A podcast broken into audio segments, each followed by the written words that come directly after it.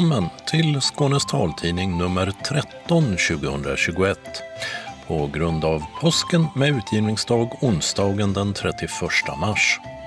Solen gick upp 6.41 i morse och går ner igen ikväll 19.43. I varsin studio finns Dodo Parikas i Malmö och Åsa Kjellman Erisi i Lund. Tekniker på sitt håll i Malmö är Martin Holmström. Och detta är innehållet. Coronaläget. AstraZenecas vaccin kan ges till alla över 65 och fler doser på väg ut. Hur sorterar man sopor om man inte ser? Knut Torstensson i Bjärlöv kämpade i flera år för en taktil och tillgänglig märkning av tunnorna och nu finns lösningen på plats för fler att använda. Då har man ofärgat glas där, vitt glas. Då kan man se att det är just en vit plasthörna där, GLO, svart på vitt med reliefbokstäver. Och öppnar vi locket så, jo då, det ligger lite glas där. Patienter föreslås få mer inflytande när Skåne blir först i landet med patientråd. Synskadade Sebastian Modin på en hedrande trettonde plats i skidskytte-SM där han mötte den seende svenska skidskytteeliten. Öppnat och stängt med croissanger och smörrebröd. Vilket ljud beskriver påskkycklingens gula färg bäst? Och hur låter rött? Synskadad präst anmäler församling till Diskrimineringsombudsmannen. Göra påskpynt i grupp går bra även när man inte är på samma ställe. Digital hantverkskurs gick hem hos synskadade deltagare. Ingen påsk utan frågetävling i Skånes taltidning. Vad vet du om Göteborg som fyller 400 år i år? Evenemang med hjälpmedel, hästar och Höje å. Och kalendern med Grönland och Georgien. Anslagstavlan är i detta nummer gemensam för hela Skåne och innehåller inbjudningar och trafikmeddelanden. Och vi ska påminna om att meddelanden till nästa nummers anslagstavla måste vara redaktionen tillhanda senast annandag påsk. Sist i denna tidning finns som vanligt redaktionsrutan. Vi börjar med en titt på coronaläget som det ser ut när detta påsknummer av Skånes taltidning spelas in tidigt på tisdagen. Antalet nyupptäckta fall av covid-smittade i Skåne är 314 medan 131 personer får sjukhusvård för konstaterad covid-19. Av dessa är 17 stycken inlagda på intensivvårdsavdelning. Antalet inlagda har därmed gått ner sedan förra veckan. Även smittspridningen i Skåne har just nu, utifrån vad testerna visar, minskat efter en stigning. Sett i ett större perspektiv har dock Folkhälsomyndigheten begärt att regeringen ska avstå från tänkta lättnader i coronarestriktionerna på grund av smittoläget i landet. Det handlar om publiktak och att nöjesparker som till exempel Gröna Lund i Stockholm skulle undantas från regeln om max åtta besökare från och med 11 april. Folkhälsomyndigheten vill att lättnaderna skjuts upp till 3 maj. Avgörandet ligger hos regeringen. När det gäller de pågående vaccineringarna så har myndigheten bedömt att AstraZenecas vaccin är tryggt och säkert och kan ges till personer över 65 år. Det tidigare stoppet gäller alltså inte längre den åldersgruppen. Risken att bli allvarligt sjuk i covid-19 är högre för äldre över 65 år än eventuell risk för allvarliga biverkningar, skriver Region Skåne på sin hemsida. Den som är yngre än 65 får när detta spelas in inte AstraZenecas vaccin, detta eftersom sällsynta biverkningsrisker fortfarande utreds för dem. Och efter påsk beräknas att de som är i åldersgruppen 70 till 75 år ska få sitt brev med erbjudande om vaccinering. Detta förutsatt att vaccininflödet till landet inte sätter P för det. När man fått brevet ska man ringa och boka tid på sin vårdcentral för själva sticket eller boka via tjänsten 1177. De som tackar nej till vaccin i det här skedet har möjlighet att senare vända sig till någon av de privata aktörer som ska ha hand om den allmänna vaccineringen i den så kallade fas 4. Den nationella vaccinsamordnaren Richard Bergström räknar med att fem miljoner ska vara vaccinerade i Sverige med bägge doserna till den sista juni. Dessutom ska 2 till 2,5 miljoner personer ha fått den första vaccindosen till dess. Därmed gäller inte längre de tidigare planerna som gick ut på att alla över 18 år skulle ha fått möjlighet till två doser senast vid halvårsskiftet. Nu är prognosen osäkrare, men Richard Bergström säger till SVT att han citat inte tror att det ska ta fram till hösten. Det har jag svårt att tänka mig. Slutcitat. Över en miljon svenskar har hittills vaccinerats. Runt 430 000 av dem har fått bägge sina stick. 4 000 personer har testat positivt för covid-19 inom två veckor efter den första dosen, vilket är innan kroppen hunnit bygga upp sitt försvar. Och endast 200 hade smittats två veckor efter dos 2, vilket enligt Folkhälsomyndigheten visar att vaccinerna som används i Sverige fungerar bra. Och när det gäller doser så är nu tillverkaren Johnson Johnsons covidvaccin på väg till Europa.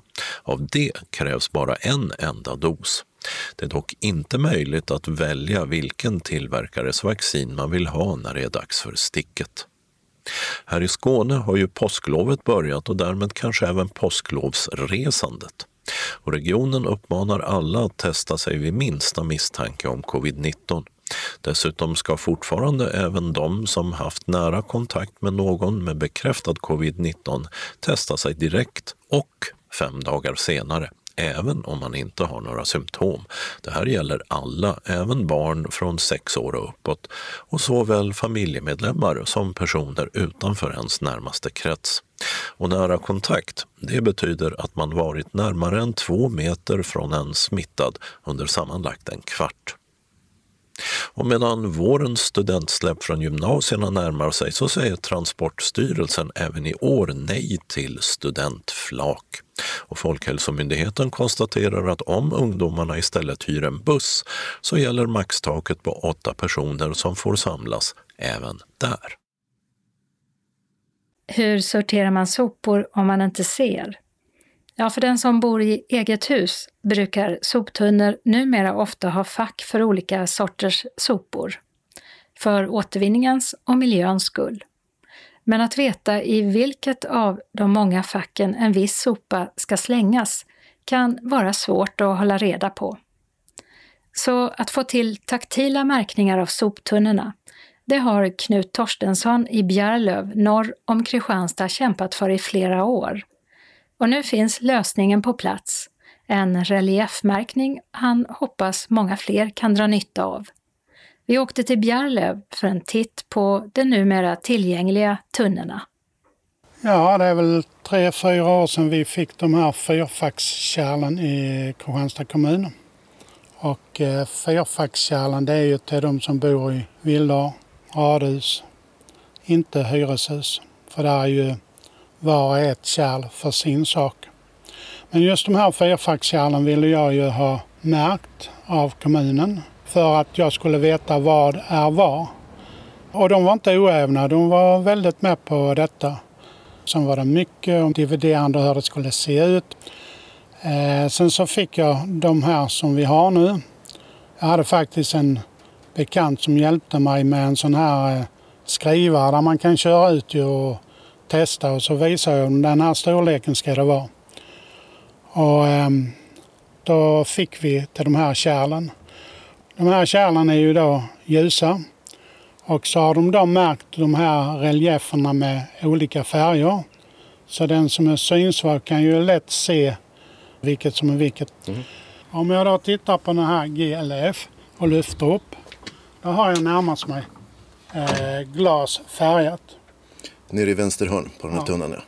Så vi fäller ner locket så kan vi då se att det står GLF vitt på grönt. En plastblupp som de har satt fast i hörnan av locket, av kanten här. Och de här taktila märkningarna.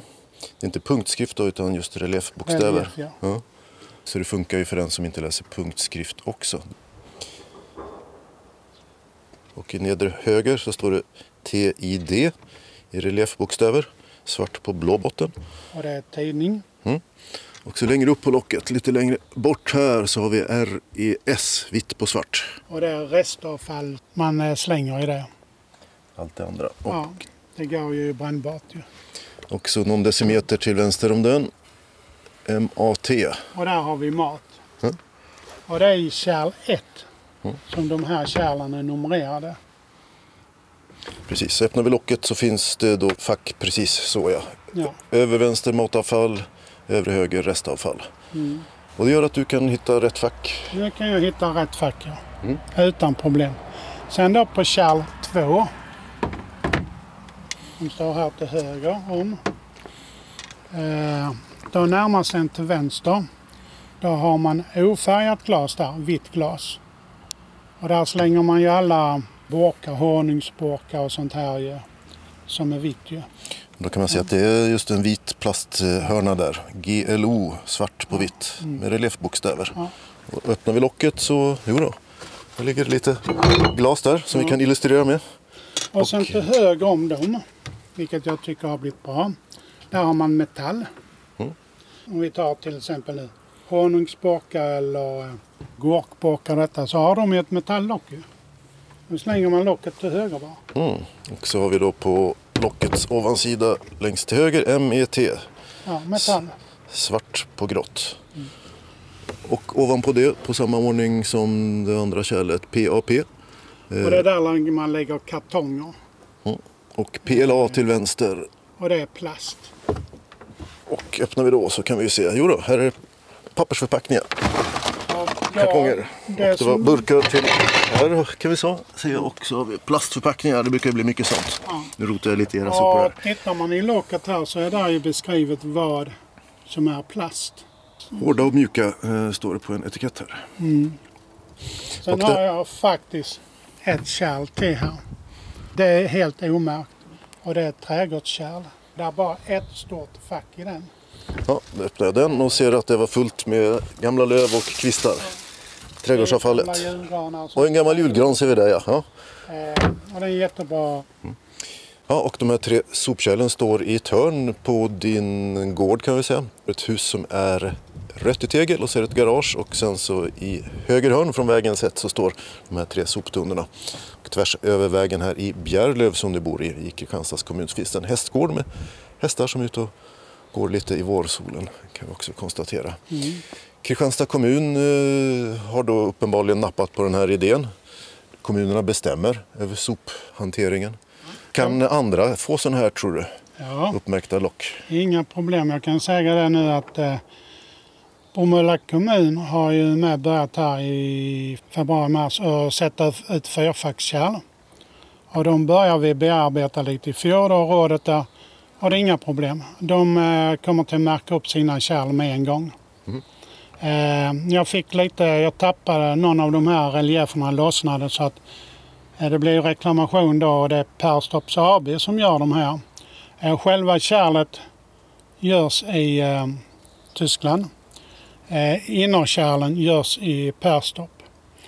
Eh, så det är där de sätter dit de här reliefen. Och då berättar hon att Laholms kommun också har nappat på den här saken med den här märkningen. Hon har varit och pratat med Hässleholm och de här kommunerna som har eh, deras kärl.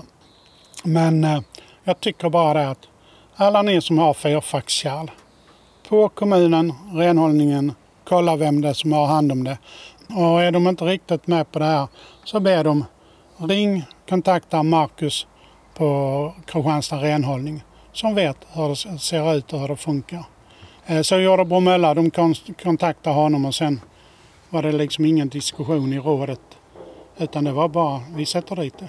Mm. Ja, nu finns kunskapen och produkten Ja. uppenbarligen. Vi behöver inte uppfinna hjulet två gånger när det finns. Har ni fyrfackskärl så gör det för livet blir mycket enklare. Och de här plastbitarna med reliefbokstäverna har de ju satt dit i efterhand eh, på ett lock. Det borde ju funka för den som redan har ett kärl utan märkning att kommunen kommer att sätta dit då, tänker jag. Eller är det här någonting de tänker att de ska tillverka locken färdiga med från början? Vet du? Nej, det blir nog att det är efter för de sätter på dem.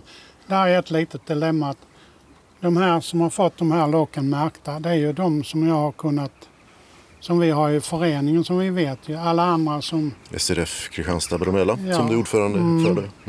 Mm. Eh, och det är där jag skulle vilja ha ett bättre samarbete med synenheten så att Marcus på renhållningen kunde skickat upp ett kuvert till dem med ett brev i och färdigt och allting. Och sen hade synenheten satt på en, en etikett och skickat ut. Så även de som inte är medlemmar kunde fått veta att det här finns. Ehm, tyvärr är det så, men sen skulle jag ju av det allra bästa i världen så skulle jag ju vilja att, att alla kommuner har samma indelning, eh, samma sortering i kärlen. Att glas är där och tidning är där. För om vi hade haft så, eh, då kunde man när man gjuter de här locken gjutit dit reliefen från första början. Och då hade alla kärl haft det. Och till exempel hade jag varit hemma hos dig Mats. Eh, jag, jag kan springa ut och slänga soporna. Det har jag visst, för alla är likadant, alla är märkta. Nu är det ju tyvärr inte så, men det hade varit den bästa världen. Det sa Knut Torstensson i Bjärlöv. Han är som nämndes i inslaget ordförande för SRF-föreningen i Kristianstad och Bromölla. Och i det senaste protokollet från Bromöllas funktionshinderråd läser vi att kommunen där precis infört sopkärl med fyra fack.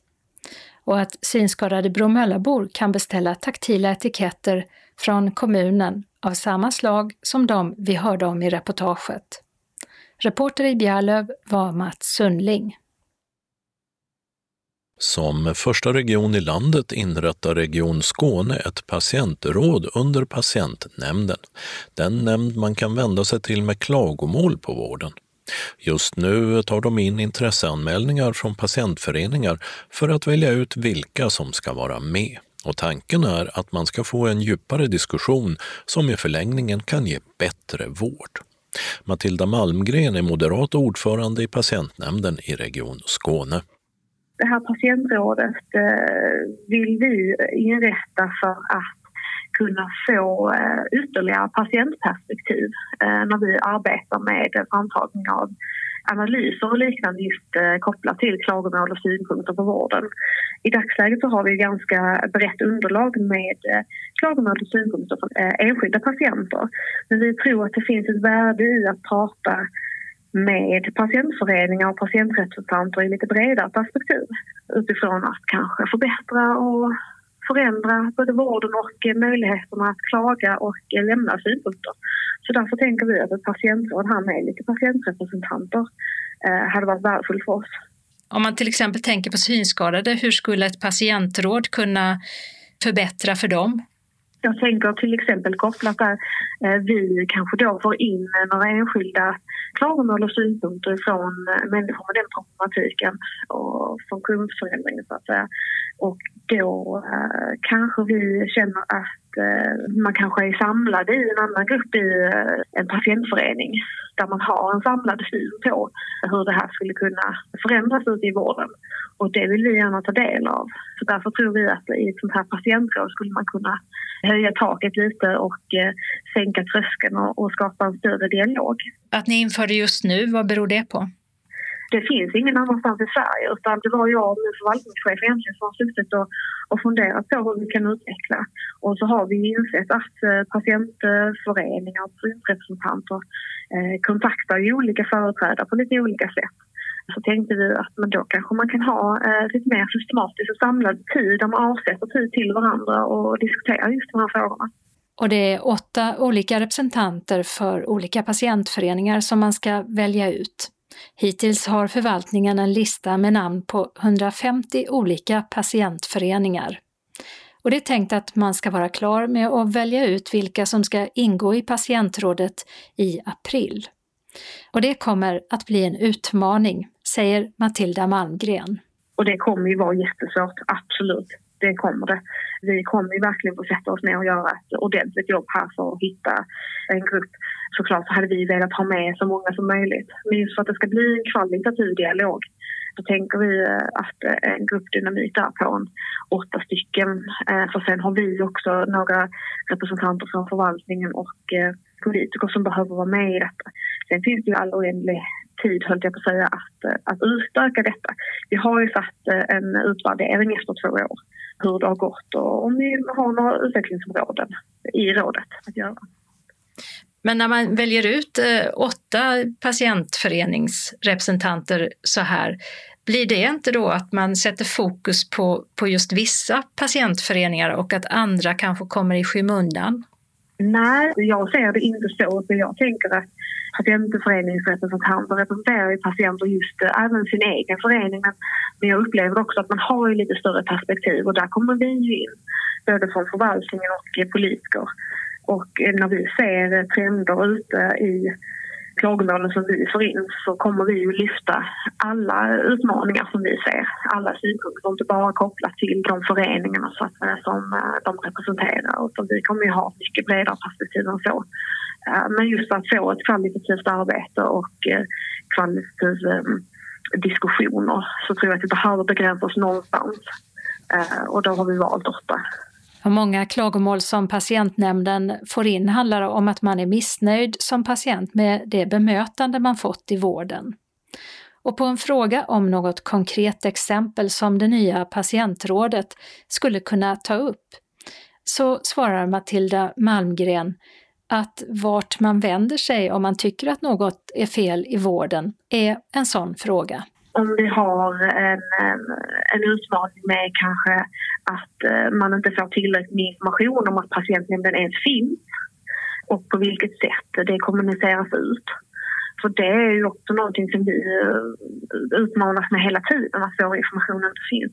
Då tar vi upp det här i rådet och eh, ställer helt enkelt frågan hur ser ni utifrån era patientperspektiv, hur skulle ni vilja ha den här informationen? Och om man då tänker att man kanske har en synnedsättning så kanske man behöver någon form av tavla eller någon form av talinformation på plats och liknande. Och då lyfter vi upp där att vi, vi upplever liksom att vi inte kan komma ut med vår kommunikation. Så hur skulle ni vilja att vi gör på ett bättre sätt? Eh, och där har vi det perspektivet som vi själva inte personligen kan ha kanske men att vi känner att representanter i, i patientföreningen kan komma in med. Och ni är först i Sverige med det här då. Vad har ni fått för reaktioner från andra håll? Jo, vi har fått jättestort intresse faktiskt. Vi har fått eh, patientnämnden både i Västra Götaland men även Stockholm hörde av sig samma kväll som vi eh, hade tagit det här beslutet och vill ha allt underlag och var jätteintresserade av att inrätta ett sånt här själv. Så vi har skickat upp allt underlag vi har och eh, förberedelsearbete till dem. Så förhoppningsvis inom kort kommer de ta liknande beslut som vi har gjort nere i Skåne. Det sa Matilda Malmgren, moderat ordförande i patientnämnden och ledamot i regionfullmäktige. Reporter Åsa Kjellman Erisi. Sebastian Modin kom i söndags på 13 plats av 22 i singelmix-stafetten i skidskytte-SM. Och motståndarna var i princip hela den seende svenska skidskytteeliten. Modin tävlar mest i längdskidåkningens B1-klass, som är för de som i princip är blinda. Och i den har han under mer än tio år hört till världseliten, med bland annat tre paralympiska silver och två brons. Skidskyttet tog han upp inför senaste Paralympics, där han slutade på sjunde plats. Till skidskytte-SM i hemstaden Östersund fick Modin som första synskadade deltagare en inbjudan och dispens att tävla mot seende. Där sköt han med elektrongevär på 10 meters avstånd enligt en svårighetsgrad som ska göra det jämlikt med de andra som skjuter med kulor och krut på mål 50 meter bort. I elektronskytte lyssnar man i hörlurar efter en ton som blir högst när man siktar rätt. Under tävlingen blev det totalt en straffrunda och åtta extra skott. Ledsagare i spåret var Nicolina Lindqvist. Jag har mycket kvar att göra som skidskytt, så det var lite svajigt med skyttet. Det kändes roligt att vara med. Alla har varit positiva och det kändes som ett bra steg för parasporten, sa Modin efteråt till SVT Sport öppnat och stängt. I Knislinge har Café Hak flyttat in på golfklubben och satsar danskt med smörrebröd, danska ostar och danska luncher. Öppet tisdag till lördag 8 till 18, söndag 9 till 17. I Åhus öppnar Fredholms en ny krog i påsk. Den ligger vid kajen. I Malmö har kafékedjan Le Croissant öppnat i hörnet Malmborgsgatan Stora Nygatan, ingång från Malmborgsgatan, medan ingången inifrån köpcentret Hansa för närvarande är stängd. I Kristianstad har det kommunala bostadsbolaget ABK fixat till gångtunneln mellan Östra Vallgatan och Östra Boulevarden. Väggarna pryds av konst i orangea zigzagmönster. Det spelas dessutom musik i tunneln som är öppen mellan 7 och 19. I Magnarp har en begagnat butik för designmöbler öppnat i den tidigare glashyttan. Form och rum heter den och där säljs även en del nytillverkade saker. Adress Magnarps byaväg 140. Så till en uppfinning i Belarus där synskadade skolelever kan måla tavlor med hjälp av melodier.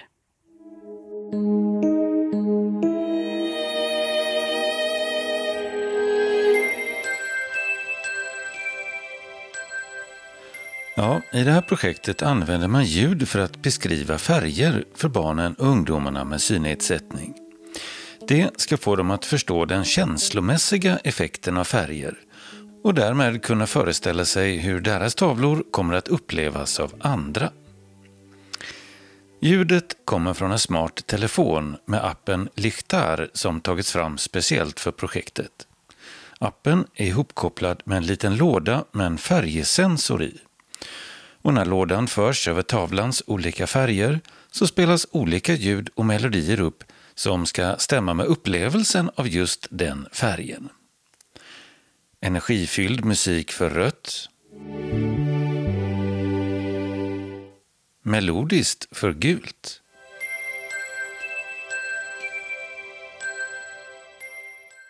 Mystiskt för blått. Till exempel. Elevernas abstrakta tavlor kan bestå av allt ifrån några få enfärgade områden till linjer i olika färger kors och tvärs. Jana, en av studenterna, säger så här. У меня в голове есть э, какие-то идеи. Вот я прихожу вот на занятия, говорю, сегодня будем... Jag tar med mig idéer in i klassrummet. Jag vill måla det här och det här. Sen jobbar vi med det i klassen och Sergej och Irina hjälper mig att välja färger, säger hon. Och Sergej och Irina heter Bandarchuk i efternamn och är de som startat projektet. Sergej är utbildad programmerare och designer. Соответственно, мы объясняем незрячим цвета через тактильные ощущения, через эмоции в первую очередь, а музыка, она дает... Vi förklarar färger för barnen genom känslor. Musik har alltid en känslomässig effekt så melodier blir ett sätt för dem att uppleva färger, säger han till nyhetstjänsten CGTN Europe. De har också haft en utställning där de flesta tavlor såldes. Och det har alltid varit en grundtanke med projektet då synskadade i Belarus, likt i resten av världen, har svårt att få jobb. Och nu planerar man att släppa appen Lichtar, som betyder ficklampa på belarusiska, även i andra länder och hoppas att på så vis sprida ljus för synskadade elever runt om i världen.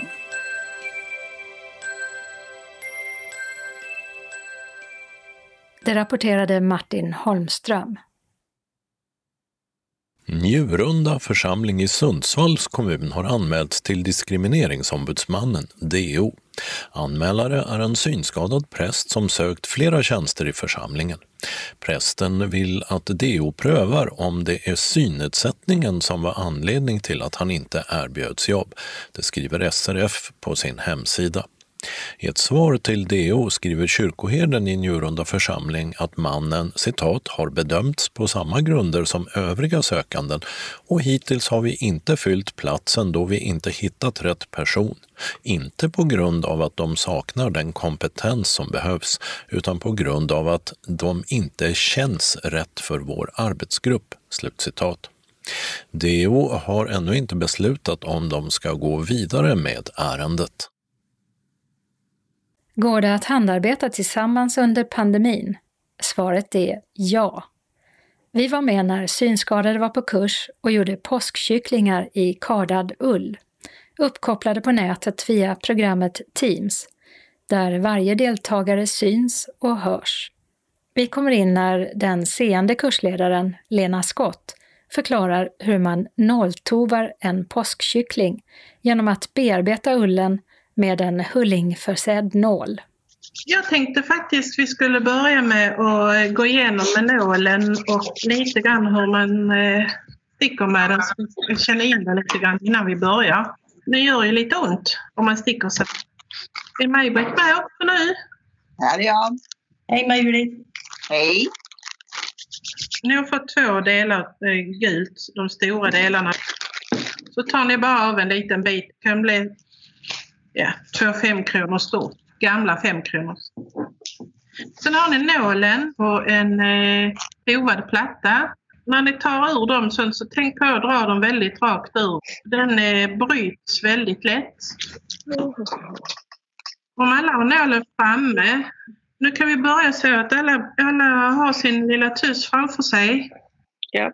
Ja, och ni har nålplattan. Som man också... Alltså skumgummit menar du nu? Ja. Då tar vi ullen. Så nu när ni håller i nålen, håll den med pekfinger och tummen. Sen så använder ni ett långfinger och för det längs med ner till eh, ungefär där hyllingarna börjar. Ja, den ska glida med liksom menar du?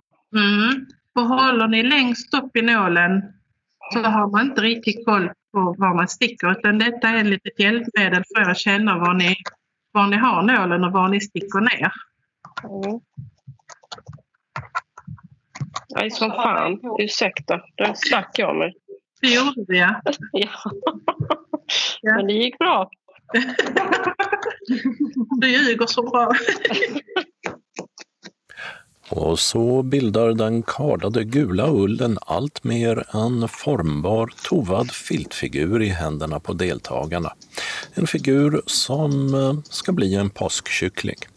Läraren Lena Skott leder kursen framåt genom att berätta vad hon gör och hur deltagarna ska göra för att det ska bli en kyckling. Och förutsatt att eh, alla har datorns, telefonens eller surfplattans kamera påslagen så kan Lena Skott också följa hur arbetet fortskrider. Bör ni känna att ni får en form som börjar likna en kyckling här? Med lite fantasi så kan det väl likna. Ja, ja. Jag tycker att min börjar se som en konferensperron. Du kan göra så, Anna, att du tar lite i, där som du sa att du har lite långsmala upp till. Ja, lite Mm. mjukare.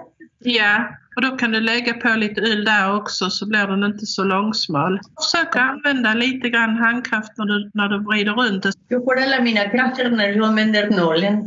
det är därför det gick sönder. Nu är min kyckling fär- färdig, nu kvittrar det. Jaha, du har en sån fågelklocka. Ja. Majt, hur går Ja. det för dig? Jag kan visa den. Den är kanske inte så dum. Ja, lite där ska jag prova in. Det här med att nåltova dem, det är ju verkligen att man själv kan ha kontroll på formen. För det är bara att jag känner efter hela tiden. Ser du den? Ja, om du lyfter den ett litet snäpp högre upp. Där ja, jättebra. Det ser bra ut. Jag tror den är ganska bra. De är jättefina. De är jättefina allihopa. Och efter att ha format en näbb och satt dit ögon och kanske stjärtfjädrar så visar alla upp sina kycklingar framför kameran. Bland dem Anna Silva från Limhamn som vi ringde upp efteråt för att fråga vad hon tyckte om kursen. Det är så roligt att arbeta tillsammans med andra trots det på distans. Hur gick det? Stack du dig i fingret också? Ja, och en, en noll krossades i mitt finger, men det var inte så farligt. Och eh, att sitta i grupp på det här sättet, arbeta ihop på distans, är det nästan lika bra som att sitta tillsammans i ett rum eller blir det sämre? Jag tycker att det är inte bättre eller sämre. Det är annorlunda och det har många fördelar därför då folk från hela länet och i i vissa fall från hela landet kan njuta av kurser som annars hade inte varit möjligt. Det hade inte funnits så många deltagare på bara en ort. Hinner ni prata med eh, varandra också under pauser och, och, och, så vidare så att det blir social gemenskap eller känns det som att man arbetar var för sig? Nej, man pratar lite men inte lika mycket som man pratar när man är i samma rum. Det är den uppfattning som jag har. Uh, hur är det, ser du någonting eller, eller? Nej. Nej, du är helt blind. Jag ser absolut ingenting. Hur mycket hjälp behövde du för att komma igång? Ja, jag tyckte att det funkade bra med de förklaringar vi fick. Jag hade aldrig nolltovat innan. Mycket bra lärare. Och den digitala tekniken, vad använder du? Har du en dator, en uh, iPad, en mobiltelefon? Jag använder datorn. Och behövde du hjälp eller fixade du det lätt själv? Fixade själv. Jag använder Teams ganska mycket. Hela SRF använder Teams. Om det skulle ordnas eh, fler kurser, skulle du vara med, och anmäla dig igen? Ja, om det är ett ämne som jag tycker om. Om det gäller tovning säger jag ja. Det sa Anna Silva, blind deltagare i förra veckans nätbaserade kurstillfälle i nåltovning för synskadade. Och hon är alltså van vid att träffas på nätet för att göra saker tillsammans. Men för kursadministrationen på ABF innebar däremot Skapa loss-kurserna för personer som ser dåligt eller inte alls en helt ny erfarenhet, berättar ABFs Johan Bergström. Det är faktiskt en ny utmaning kan man väl säga. Det är väldigt spännande. Det var SRF själva som tog kontakt med ABF och eh, med det så inleddes en eh, satsning på att få igång ett samarbete, att digitalisera och att ta vara på möjligheten att samarbeta helt enkelt. Och det spännande är att det ställer upp en del krav för mig som seende. För jag inser ju nu hur mycket jag förlitar mig på min syn i jämförelse med någon som inte kan se eller som har kraftigt nedsatt syn. I allting från hur man förklarar till vägar in i det digitala mötet. Allting är väldigt annorlunda. Man måste angripa mötet på ett helt annat sätt än vad vi är vana vid. Vilket är väldigt spännande. Vad är det som skiljer det från att arbeta med seende kursdeltagare? Det första och främsta skulle jag säga att vi som förlitar oss på synen ofta använder färger som beskrivning. Klicka på den röda knappen eller ni ser där till vänster. Och det är förklaringen som helt enkelt inte funkar. Det gör ju att man måste hitta andra sätt att förklara var någonstans en viss knapp är eller en viss funktion i programmet är det är också att man måste hjälpa till att få människor att sitta i mitten av bilden till exempel. Om man då håller på med som vi har gjort nu med olika former av hantverk så är det ju så att man kanske vill kunna se vad som görs. Då är det rätt bra att man kan hjälpa personen att hålla upp till exempel påskkycklingen som vi gjorde under gårdagen. Så att den är i skärm. Eh, mycket taktila beskrivningar, hur det känns, hur man ska ta sig framåt. Alltså, det gäller att underlätta för att deltagarna ska kunna komma in med bara ett klick eller så få klick som möjligt. Man ska kunna ha igång mikrofon, stänga av mikrofon, sätta igång kamera, stänga av kamera. Så enkelt som möjligt för att man inte ska fastna någonstans på vägen. Vad kan det röra sig om? Kan det vara att du har lagt telefonen ner? Nej, den står upp. Ja, ja, ja. Om du testar lägga den ner då? Så. Så, Så ja. Det är en utmaning de första gångerna. Men det har rullat på väldigt bra. Är väldigt imponerad. Hur har det gått då i praktiken, tycker du? Jag tycker att det har gått väldigt bra. Det är långt över förväntan på hur väl man ska kunna hantera olika tekniska program och tekniska lösningar.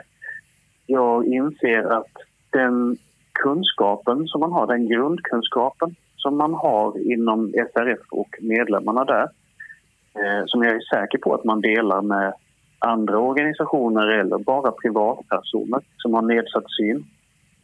Den kunskapen är betydligt bättre överlag om datorer, eh, hjälpmedel och hur man ska ta sig framåt än gemene person som faktiskt kan se. Man vågar klicka, man tar sig runt. Det är någonting man är nyfiken på och man är inte rädd för det. Man ser datorn som ett hjälpmedel. Eh, så jag skulle säga att det är väldigt imponerande hur enkelt det har varit. Jag tyckte redan andra mötet att min roll blev nästan utspelad. För att det, det var så smidigt. Men hur ser ni som studieorganisation på att i dessa tider nå de som inte kan se och inte är digitala? Även när man fick lov att mötas så var det alltid... Eh, man når de som vill nås. De som kanske allra mest skulle behöva nås, de vill inte, är eller gör sig onåbara och håller oss på ett ganska stort avstånd.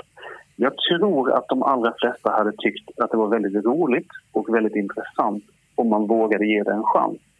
Men vi är vana som studieförbund att ta sig an de här utmaningarna.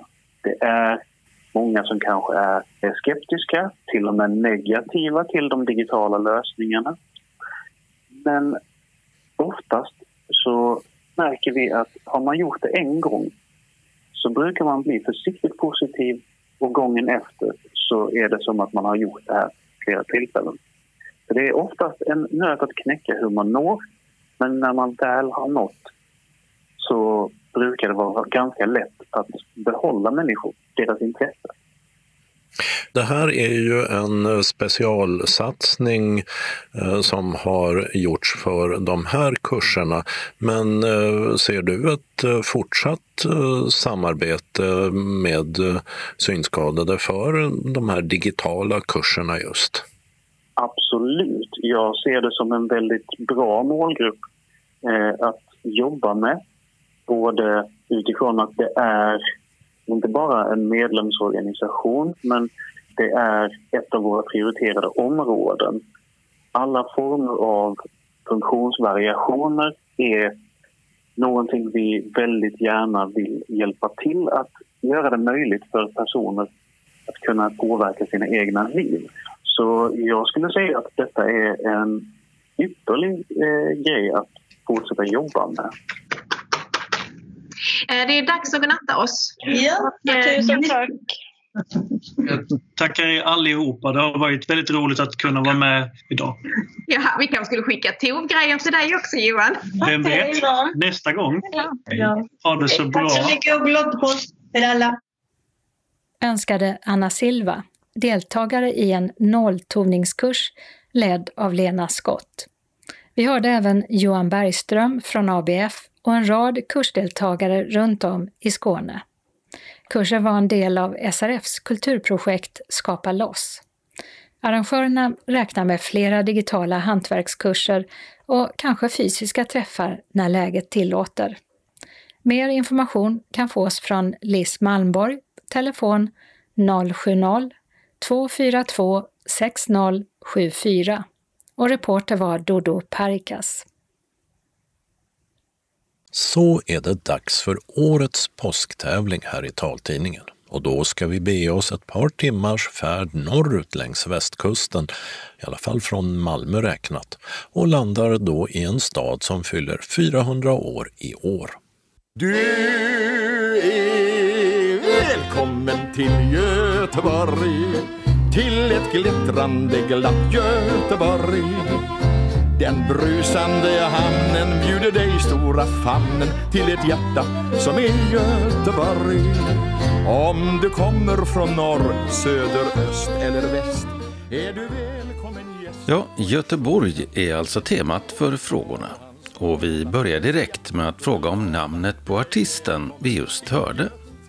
Han är starkt förknippad med Göteborg, inte minst som ena halvan av skrothandlarduon Albert och Herbert, som bland annat var julkalender i tv 1982. Och med revyerna Jubel i busken med bland andra Sonja Hedenbratt. Fråga 1 söker vi 1. Alf Robertsson Kryss Robert Broberg eller 2. Sten-Åke Cederhök. Göteborg fyller alltså 400 år i år. Staden fick sina stadsprivilegier utfärdat år 1621 av Gustav II Adolf som står staty på just Gustav Adolfs torg. Den sanka marken under staden vid Göta älvs mynning gjorde att man hämtade in holländare för att bygga den. De hade stor vana av sådana byggen och Göteborg kallades därför ibland Nya Amsterdam. En del av den tidens kanaler har med tiden blivit igenfyllda och är idag vanliga gator. Paradgatan i Göteborg heter Kungsportsavenyn, oftast bara kallad Avenyn.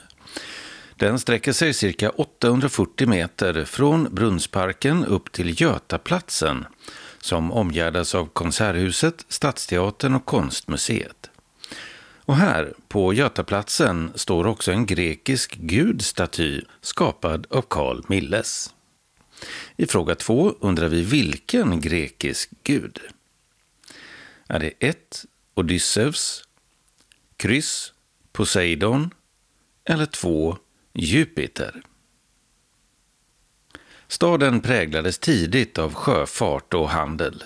På 1700-talets andra hälft blomstrade staden, inte minst tack vare Ostindiska kompaniet och dess handel med Asien. Senare tog varvsindustrin och storföretag som Volvo och SKF över. I fråga tre undrar vi vad SKF står för.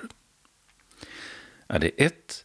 Södra Kemiföretaget kryss Stora Kopparförbundet eller 2. Svenska Kullagerfabriken. Som ledtråd kan jag nämna att min barndoms bästa jojo kom från SKF.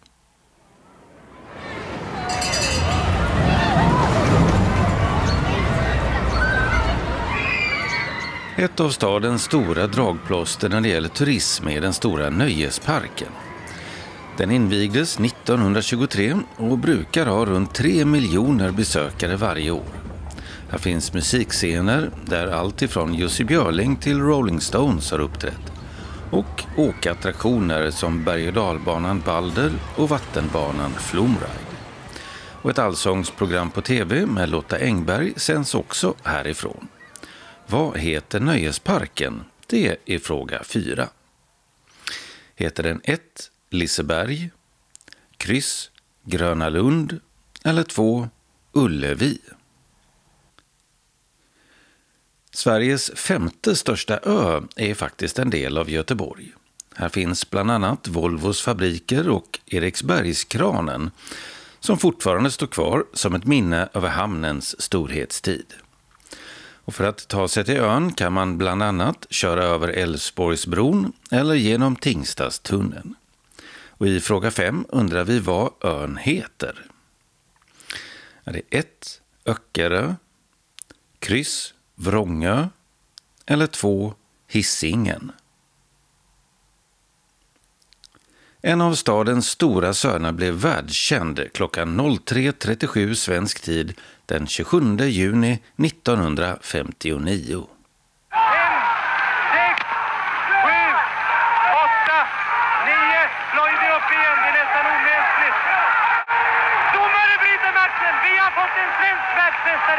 Utan tvekan en höger backbake man inte har skådat i Ursäkta jag skriker, men jag måste göra det.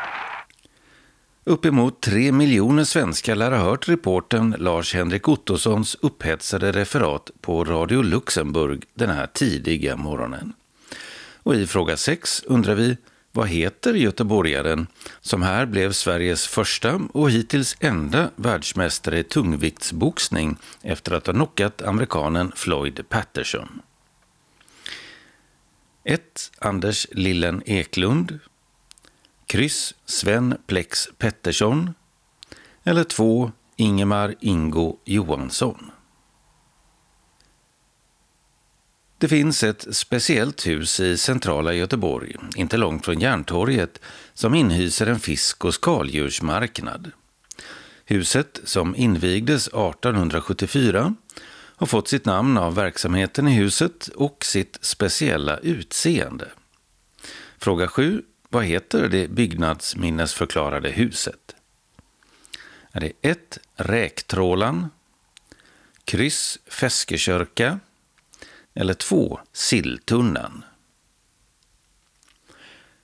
Maten i Göteborg handlar i mångt och mycket om just fisk och skaldjur eftersom tillgången på färska varor varit så stor. Men det finns en och annan lokal specialitet som inte handlar om det. I fråga 8 undrar vi vad du får för maträtt om du beställer en halv special. Får du 1. En falukorvsskiva i ett hamburgerbröd.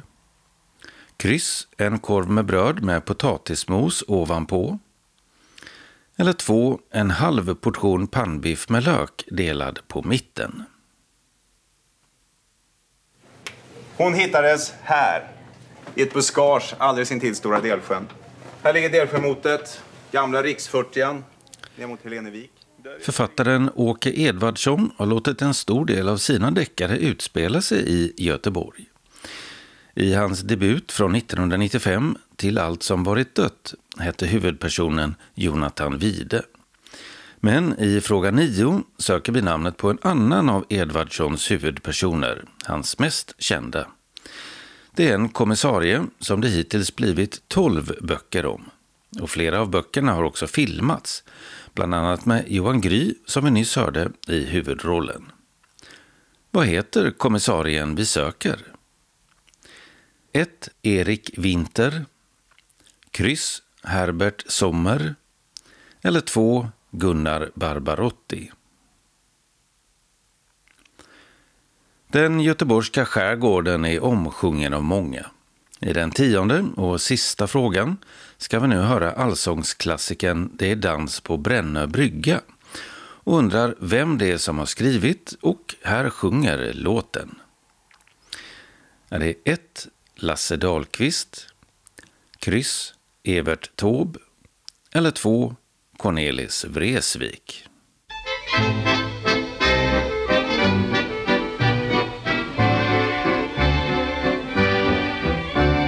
Kosvad vimlar av segel idag Är det kappsegling? Nej, det är lördag Ja, visst då förstår jag vart pojkarna ska De har endast som ledigt idag när där seglar Kalle med kubben på svaj. Hej på dig du, hur har du det själv då?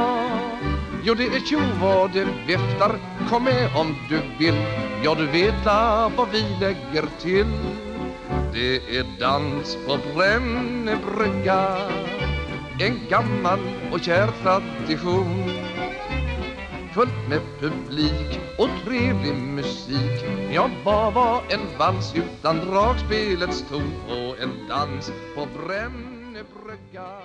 Det var tio frågor med Göteborg som tema, ihopsnickrade av tävlingsredaktör Martin Holmström, född och uppvuxen i just Göteborg. Och vi lockar som vanligt med stor ära och fina priser som en valfri ljudbok eller musik-CD i normalprisklassen till vinnaren. Men du kan bli prisad även om du inte har alla rätt, så det kan löna sig att skicka in dina svar ändå. Vi behöver svaren senast måndagen den 12 april. Kontaktuppgifterna finns i redaktionsrutan, sist i tidningen. Evenemangstipsen börjar vi med en digital föreläsning om hjälpmedel inom punktskrift som Iris Hjälpmedel har i samarbete med www.synkunskap.se den 7 april klockan 14 till 15. Föreläsningen vänder sig till de som vill veta mer om vilka hjälpmedel det finns för personer med synnedsättning som använder sig av punktskrift braille. Föreläsaren Åsa Lodin beskriver övergripande vad som finns och var man kan hitta mer information om dessa. För att anmäla sig skickar man e-post till asa irishjälpmedel.se senast den 6 april. Och då får man en Teams-länk så man kan koppla upp sig via dator, telefon eller surfplatta. Föreläsningen är kostnadsfri och kommer att spelas in för att senare läggas upp på Youtube och företagets hemsida. Så vill man inte vara med i bild kan man ha kameran avstängd. Vi har tidigare berättat om Sofiero utanför Helsingborg som öppnat för säsongen och har öppet alla dagar mellan 10 till 18. Men nu har de släppt lite mer information om vad som kommer att hända. Fram till den 5 april pågår påsk i parken och bland annat så förvandlar elever från Rönnowska hantverksutbildningen några av parkens skulpturer med blommor och växter till vårliga skapelser av hållbara och återbrukbara material. Till och med den 26 september kan man gå i kronprinsessan Margaretas fotspår. Hon bodde under somrarna på slottet i början av 1900-talet och var mycket trädgårdsintresserad. En utställning i rhododendronhuset berättar om hennes gröna avtryck som lagt grunden till mycket av Sofieros slottsträdgård. Fram till den 9 maj pågår en vårlöksutställning i Medelhavsträdgården där krukor med tulpaner i olika färg och form samlats. Från den 19 april till den 2 maj så finns det i vinhuset ett uppdukat bord av Kullafloristen, som är inspirerat av författaren Elsa Beskows barnböcker. Och den 5 juni fram till den 29 augusti pågår utställningen Odla hälsa. Det är trädgårdsinspiratörerna Annika Kristensen och Lydia Jeppsson som vill inspirera till att ge kunskap om att odla hemma. Under påsken från den 1 april till den 5 april är det konstutställning i Spannstallet på Kronovalls vinslott i närheten av Sankt Olof på Österlen med bland andra konstnären Lotta Brundin Gyllensten som gör skulpturer i brons och stengods av långbenta, uttrycksfulla hästar. Det är både mindre skulpturer på dryga 10 cm upp till en halv meter. Öppettiderna är mellan 11 till 18. En vandring ut med Höjeådalen kan man följa med på den 6 april klockan 18 till 19.30 och samma tid även den 20 april, 4 och 18 maj, 1 och 15 juni samt 13 och 27 juli. Vandringen, som är en guidad tur och arrangeras av Care of Nature, är en lätt vandring, men det kan vara något lerigt så rejäla skor rekommenderas. Och det blir en vandring som först går genom Sankt Larsparken i Lund, sen följer man Höjeå ner till Källby, byn som hade en hel del hushåll i mitten av 1800-talet, men som idag inte finns kvar. Och sen går man tillbaka in i parken där man fram till 1990-talet kunde se dovhjortar. Samlingsplats är Sankt Larsväg 90 och biljetterna som köps hos Ticketmaster kostar 320 kronor. På Hässleholms kulturhus blir det Blå måndag med konsert och mat. Åkesånger den 17 maj klockan 17 till 18.15. Det är sångerskan och skådespelerskan Annika Feling som tolkar Sonja Åkessons dikter i en musikalisk föreställning. Sonja Åkesson, som gick bort 1977, fick sitt genombrott med diktsamlingen Husfrid, där hon beskriver en kvinnlig vardag. Och många av hennes dikter har tonsatts genom åren. Förutom Annika Feling medverkar också musikern Christer Jonasson på gitarr och lapstil. Entréavgift är 150 kronor och då ingår mat och för att boka biljett så ringer man till Kulturhusets biljettkassa. Det blir ingen operett med Askungen på Ystad teater som planerat i sommar. Kammaropera Syd har beslutat sig för att skjuta fram den ytterligare ett år till sommaren 2022.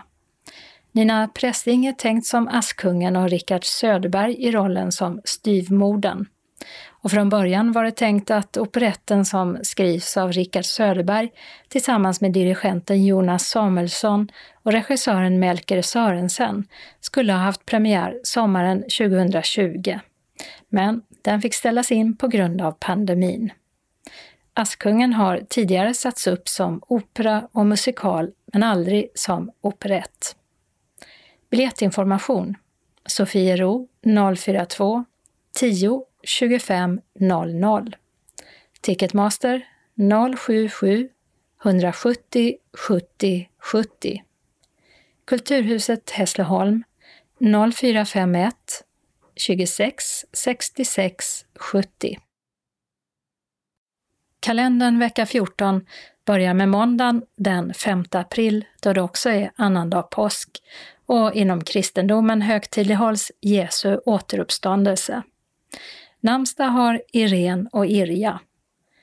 Tisdagen den 6 april är det Wilhelm och William som har namnsdag. På Grönland hålls det val till det grönländska parlamentet, Inatsisartut, och den nuvarande regeringschefen Kim Kielsen förväntas få lämna. Han sparkades i november som ordförande för sitt eget parti, Simut, men har sedan dess suttit kvar som regeringschef. Siumut betyder framåt och det är ett socialdemokratiskt parti. Val till parlamentet hålls normalt vart fjärde år och senast var det 2018. I riksdagen är det interpellationsdebatter och en av frågorna som ställs handlar om rätten till färdtjänst.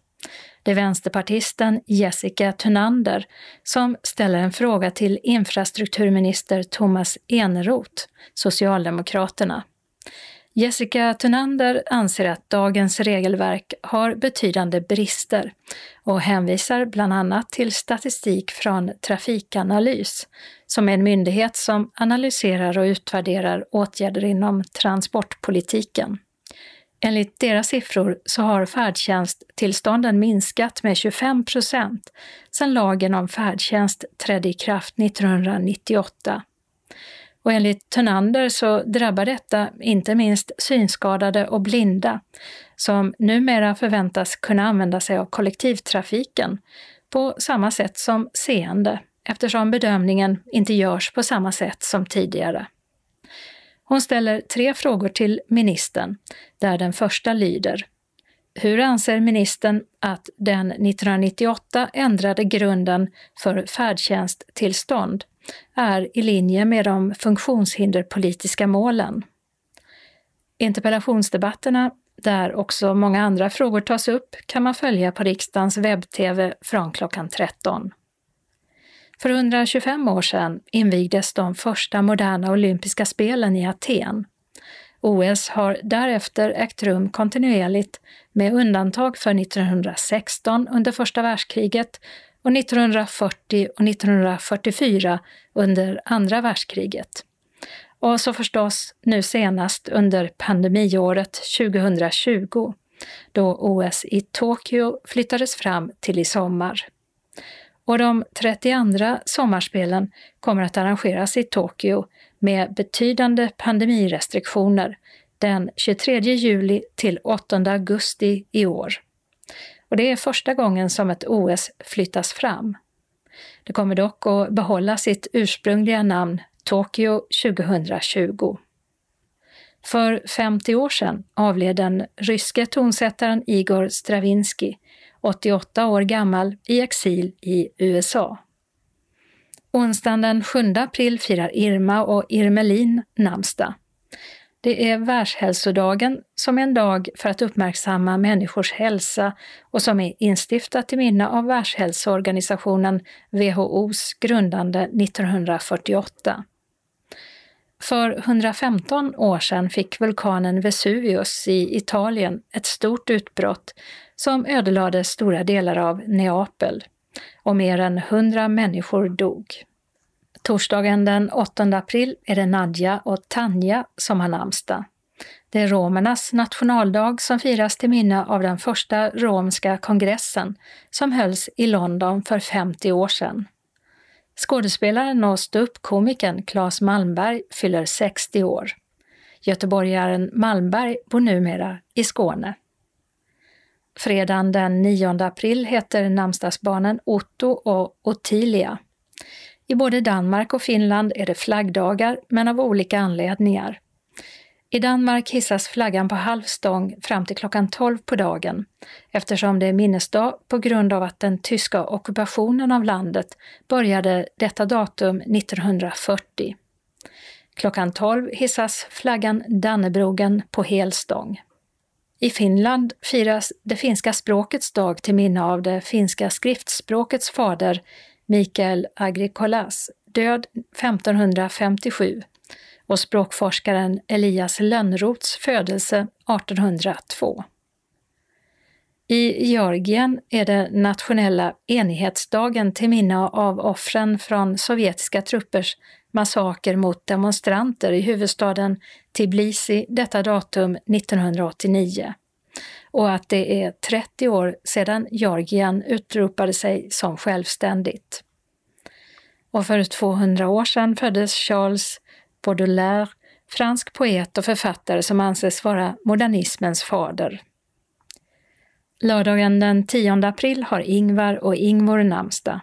Det är allsvensk premiär för herrarna i fotboll och på hemmaarenan Eleda stadion i Malmö möter Malmö FF Hammarby med avspark klockan 15. Hur det blir med publik på matcherna är osäkert. Och i Polen inleds boxnings-VM för damer i staden Kielce som ligger i södra delen av landet. Veckan avslutas med söndagen den 11 april då Ulf och Ylva har namnsdag. Anslagstavlan är idag gemensam för hela Skåne och innehåller inbjudningar samt ändringar i kollektivtrafiken. Vi börjar med ett meddelande från SRF Skåne. Hej alla ni som längtar till att komma ut och träffa andra människor. Nu vill vi veta hur stort intresset är för att delta i aktivitetshelgen på Furuboda den 30 juli till 1 augusti. Vi har förbokat 30 platser. För att slippa betala för platser som vi inte kan utnyttja vill vi att du, om du är intresserad, gör en intresseanmälan till SRFs kansli så vi vet ungefär hur många deltagare det kan bli. Vi vill gärna ha din intresseanmälan senast 15 april. Observera att detta alltså inte är någon anmälan till aktiviteten, bara en intresseanmälan. När själva anmälan skickas ut senare i vår är det först till kvarn som gäller som vanligt. Ring kansliet 040 777 75 eller mejla kansli srfskane.se. Nu hoppas vi bara att alla som vill delta hinner bli vaccinerade och kan vara med. Synskadades förening SRF Malmö Svedala inbjuder sina medlemmar till en utekväll på restaurang Värshuset, John Erikssons väg 76, lördagen den 8 maj. Vi träffas klockan 16 och man kan välja mellan husets schnitzel med stekt potatis, rödvinssås och kapris eller bergtunga valjevska med tigerräkor, kräftstjärtar, hummersås och pomme duchesse eller en vegetarisk schnitzel. Då det fortfarande finns restriktioner är det viktigt att vi håller oss till reglerna. Det innebär max fyra personer vid varje bord. Det finns inga större bord och det är gott om mellanrum mellan borden. Det är inte tillåtet att gå runt bland borden och hälsa på andra deltagare vid andra bord. När ni behöver gå på toaletten, tänk på att det ska vara minst en och en halv meter mellan deltagarna. Det är av yttersta vikt att vi följer dessa instruktioner så att vi inte riskerar att bli avhysta och restaurangen att bli av med sitt tillstånd. Tänk också på att enligt nu gällande restriktioner så slutar alkoholserveringen klockan 20. Föreningen står för kostnaden för maten samt alkoholfri dryck. Folköl och starkare betalar var och en själv. Restaurangen rymmer bara 40 personer så det är först till kvarn som gäller. Medlemmar i Synskadades förening SRF Malmö Svedala har företräde. Deltagare från andra lokalföreningar får delta i mån av plats och får själv stå för alla kostnader, även maten. Anmälan kan endast göras per telefon till kansliet 040 25 05 40. Tidigaste tid för anmälan är tisdag 13 april 09.00 och alltså endast per telefon. Välkommen till en trevlig kväll önskar styrelsen. SRF Lundabygden bjuder in till ännu en pandemianpassad studiecirkel via telefon. Vardagstips är en studiecirkel där du får bra och användbara tips i din vardag av vår cirkelledare Simon Tienso. Det ges också möjlighet till trevliga diskussioner där cirkeldeltagarna får möjlighet att ge tips och utbyta erfarenheter. Studiecirkeln hålls onsdagar 13.30 till 15.30 via telefon. Anmäl dig till vårt kansli på telefon 046 211 06 74. Vid anmälan får du info om telefonnummer och deltagarkod. Vi behöver ha din anmälan så snart som möjligt och studiecirkeln startar när deltagarantalet är minst fem personer. Hälsar Desiree Forsman, kanslist. SRF Lundabygden bjuder också in till Seniorshoppen den 16 april 13.00. Våren är här, så varför inte passa på att pigga upp dig själv med det senaste vårmodet? Carita kommer till föreningslokalen på Tordönsvägen 4 i Lund och visar upp årets vår och sommarmode. Du får även möjlighet att prova kläderna i lugn och ro och samtidigt få Caritas proffsiga råd och tips om vad som passar just dig. På grund av rådande pandemi så är deltagarantalet begränsat till åtta personer. Så boka in ert deltagande så fort som möjligt på telefon 046 211 06 74. Carita tar emot max två personer i taget och hon använder både handsprit och munskydd, visir om så önskas. Vi kommer att servera en god sallad samt kaffe och kaka. Det kommer även finnas möjlighet att köpa vin till självkostnadspris. Cecilia håller i arrangemanget som värdinna och hon kan nås på telefon 070 640 1123. Avgiften är endast 50 kronor och vi behöver din anmälan senast 9 april. Hjärtligt välkommen! SRF Malmö Svedala har en hälsning. Medan våren är på väg och blommorna försiktigt sträcker sig mot solen sjunger fåglarna om en varmare framtid. Vi i styrelsen önskar verkligen att eh, vi får komma igång med vår verksamhet snarast möjligt. I verksamhetsplanen finns våra trevliga träffar, fester, resor, studier med mera planerade. I maj har vi tjejträff inbokad den sjätte. Den blir indelad i tre tillfällen under dagen för att undvika smittspridning. Den 8 maj är ett restaurangbesök inbokat. Där har vi matsalen för oss själva och borden står med säkerhetsavstånd. Läs mer om detta i Skånes taltidning framöver. SRF Malmö Svedalas styrelse består nu av Rolf Berglund, ordförande, Britt-Marie Linné, vice ordförande, Per-Arne Andersson, sekreterare och kassör, Maj-Britt Ryman, Britt-Marie Lundgren, Eddie Bergstrand och Per Svensson. Vi i styrelsen önskar alla medlemmar en glad påsk och en skön vår.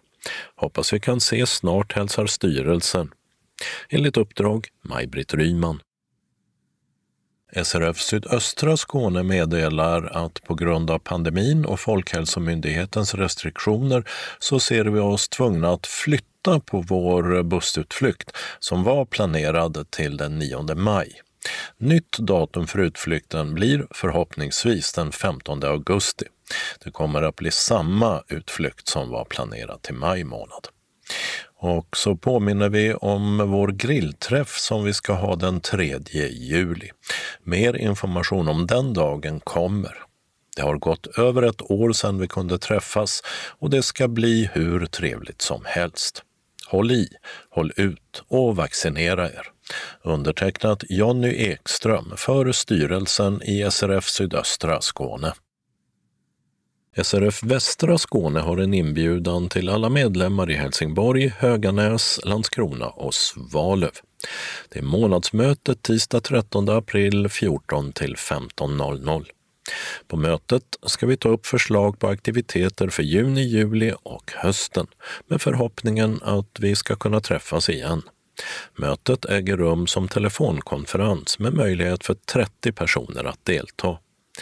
Anmäl dig till kansliet, telefon 042 15 83 93 eller e-mail srf.monica telia.com. Efter anmälan får du telefonnummer och deltagarkod. Om du inte har möjlighet att delta men vill lämna ett förslag på aktivitet, utflykt, resmål så vore styrelsen och jag tacksam om du kunde höra av dig. Undertecknat Monica Kühlenstierna. SRF Västra Skåne meddelar också att till föreningen har en medlem skänkt en motionscykel som finns på kansliet. Det går bra att ringa till kansliet för att boka tid för träning på motionscykeln. Kansliet kommer dock att vara stängt torsdag 1 april och öppnar igen efter påsk. Glad påsk! Undertecknat Monica Kühlenstierna. Vi har även några tillfälliga ändringar i busstrafiken.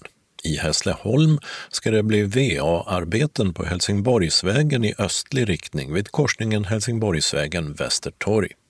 Det gör att hållplats Hässleholm Grönängsplan läge B i riktning mot Hässleholm C stängs med hänvisning till ett tillfälligt hållplatsläge cirka 150 meter bakåt motsatt bussens färdriktning på Helsingborgsvägen.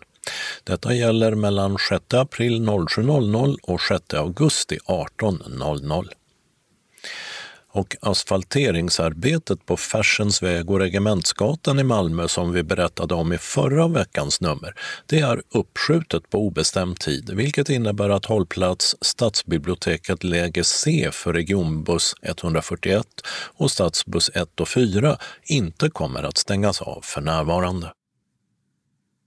Och det var allt för det här numret av Skånes taltidning.